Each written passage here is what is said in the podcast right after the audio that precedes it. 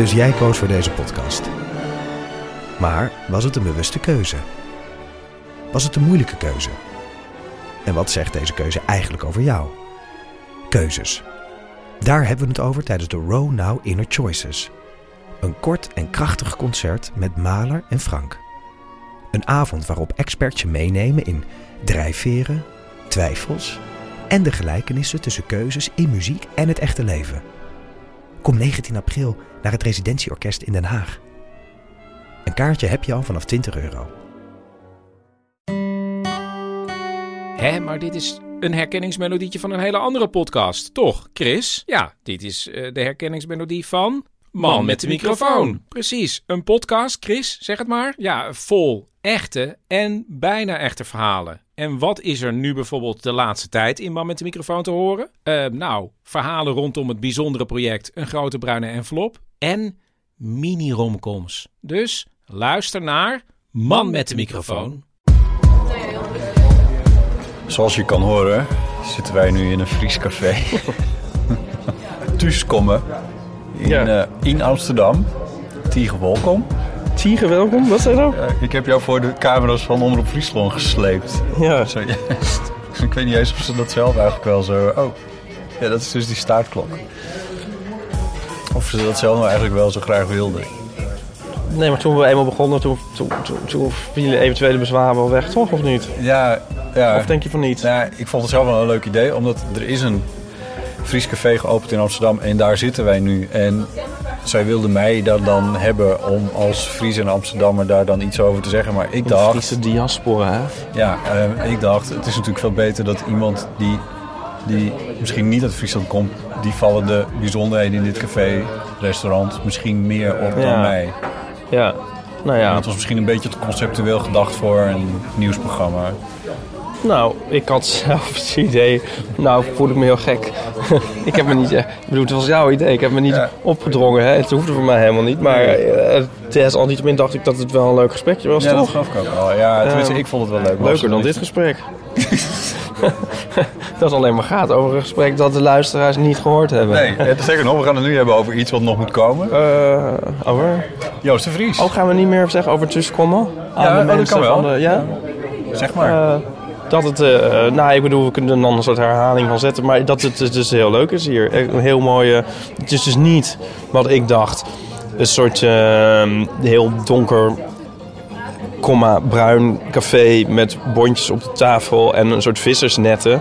Maar het is een soort heel open, mooi, eh, beetje industrieel pand eigenlijk. Ja. Met Friese accenten. En het is heel erg eh, Ja. aangenaam hier. Zoals een, een, een, een enkele schaats en een staartklok. Ja, ja, en dus niet eh, overal Friese vlaggen, maar wat leuke dingetjes. Dingetjes. En een Fries in de keuken, dat dan Ja. weer wel. Ja, Ja, ja dus het is een eh, aanrader. mooi. Dan krijg ik ook nog een tosti. Oh, oh wauw. Wat lekker. Dankjewel. Een een grutte pier? Ja, Oké. en als er spek op zit, maar dat heb ik natuurlijk niet, is het eh, de tosti matahari. Mooi. Ja. En dit Dan is ga ik weer eten tosti- door de opname heen. Ja, dus zal je wel, eh, Alweer, zal je ja. wel niet leuk vinden. Ik kan er ook niks aan doen. Nee. De, de ingrediënten komen uit eh, Friesland. Ja, behalve het tafelzuur is van... ehm, het komt uit Amsterdam, las ik net op de Ja, kaart. Maar dat hoort. Amsterdamse Ja. zuur, dat is een Ja. ding. Ja. Nou, iets smakelijk. Ga ik iets vertellen over Joost de Vries.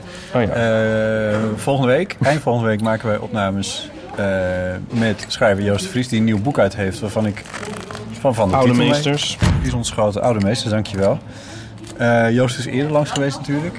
Dat was volgens mij een jaar geleden dat hij ook bij ons was. En nu was er volgens mij iemand van onze luisteraars die zei, mag Joost nog een keertje langskomen? Ja. Terwijl hij tegelijkertijd zelf ook zei van... eh, mag ik weer eens en een appgroepje openen met... Of nee, wat was het nou? Ik- We zeiden, oh Joost luistert toch niet? Zoiets lieten we vallen. Zeg dat nog niet. en, maar dat deed hij wel. Dat deed hij wel. En Ja. toen zei hij, ja, wanneer, wanneer mag ik weer? Ja, Nou, dus... Ja, eh, normaal is het natuurlijk van eh, schrijvers die vragen worden overgeslagen. zeker in de heel vanavond. Maar voor Joost hebben we toch wel een plekje in ons hart. ja. Dus eh, ja, dan komt hij weer.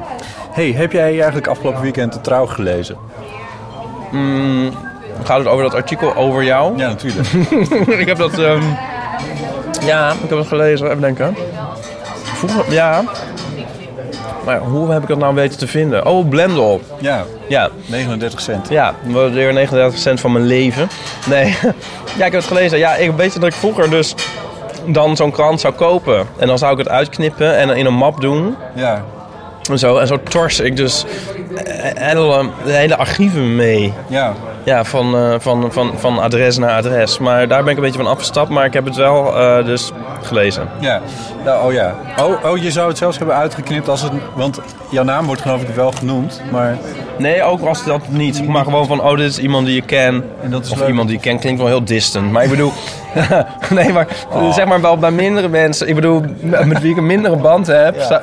bewaarde ik dan Ja. dat soort dingen. Ja. Je kan er nu misschien... Ja, ik bedoel, het staat op Blendel, dus op, op zich... Ja, in die zin bij. is het al bewaard voor je. Ja, ja. ja, mogen we toch een klein beetje vanuit gaan dat het internet er in de toekomst ervoor zorgt dat we toegang blijven houden tot archieven. Ja, maar als ik dus... Kijk, nu zit het in bed. Als ik dan ga verhuizen, zeg maar, is het wel onwaarschijnlijk dat ik denk... Hmm, ik pak nog eens een keer op Blender dat artikel over botten erbij. Ja, maar een pdfje. Maar kun je niet afdrukken en een pdfje. Oh ja, zo. Ja. Jezus.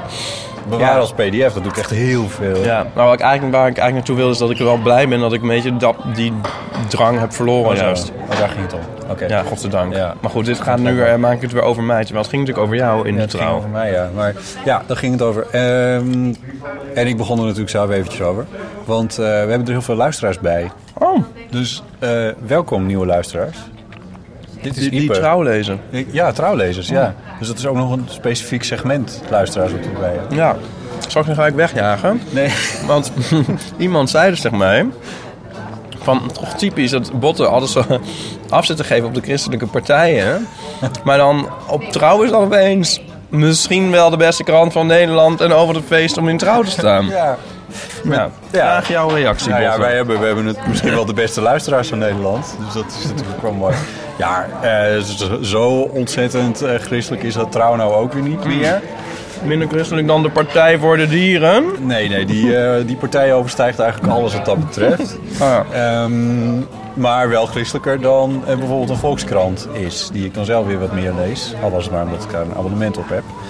Ehm, maar ik vind het een mooie krant. Want ik heb hem voor het eerst sinds heel lange tijd dus gewoon weer wel een keer gekocht op papier. ja, En toen dacht ik, wat is het eigenlijk een mooie krant. ja. Nou, dus nog even dan in aansluiting op het voorgaande... dat als, eh, als het nou een interview met mezelf zou zijn geweest... dan had ik het denk ik wel uitgeknipt en bewaard. maar goed, maar dit is Ja. eigenlijk... Ja. Nee, ja, ehm, vind ik ook wel. Maar ik bedoel, het is een krant van christelijke signatuur, toch? Dat stoort jou dat dan klopt. niet? Nou, nou ja, kijk, als het nou een rol speelde in, eh, in het interview of het zou gecensureerd worden. Nee, oké, maar wat stond er die dag in het hoofdredactioneel commentaar dan over de... de- ja, sorry dat ik het nou weer opraak. Ik heb alleen mezelf gelezen, Over de dus donorwet. weet ik niet. Oh. nou ja, Dat ga ik nog uitzoeken voor je. Ja, maar ik denk dat ook wel, want ik weet wel bijvoorbeeld mijn ehm, eh, eh, tante Lies, die op zich niet de echte tante is, maar ook weer wel, die leest ook trouw al de hele leven volgens mij en die is ook ehm, niet confessioneel. Dus Nee. wat dat betreft kan het ook wel. Nou ja, het, er gaat een, eh, een anekdote, volgens mij heb ik natuurlijk al lang een keer verteld. Van eh, die eh, redacteur die eh, bij een radioprogramma zat, of televisieprogramma was dat zelfs. En met een, een groep redacteuren s ochtends vergaderen, wat gaan we s'avonds in een televisieprogramma eigenlijk bespreken. En iedere dag kwam hij met iets bijzonders. En op een gegeven moment vroeg iemand aan hem van, ja, maar wat is nou eigenlijk jouw truc? Dat je elke dag met een bijzonder verhaal komt. En toen zei hij van, ja, het is heel simpel. Ik lees het trouw en jullie lezen de Volkskrant. En dat vond ik eigenlijk, vind ik eigenlijk nog steeds wel een mooie.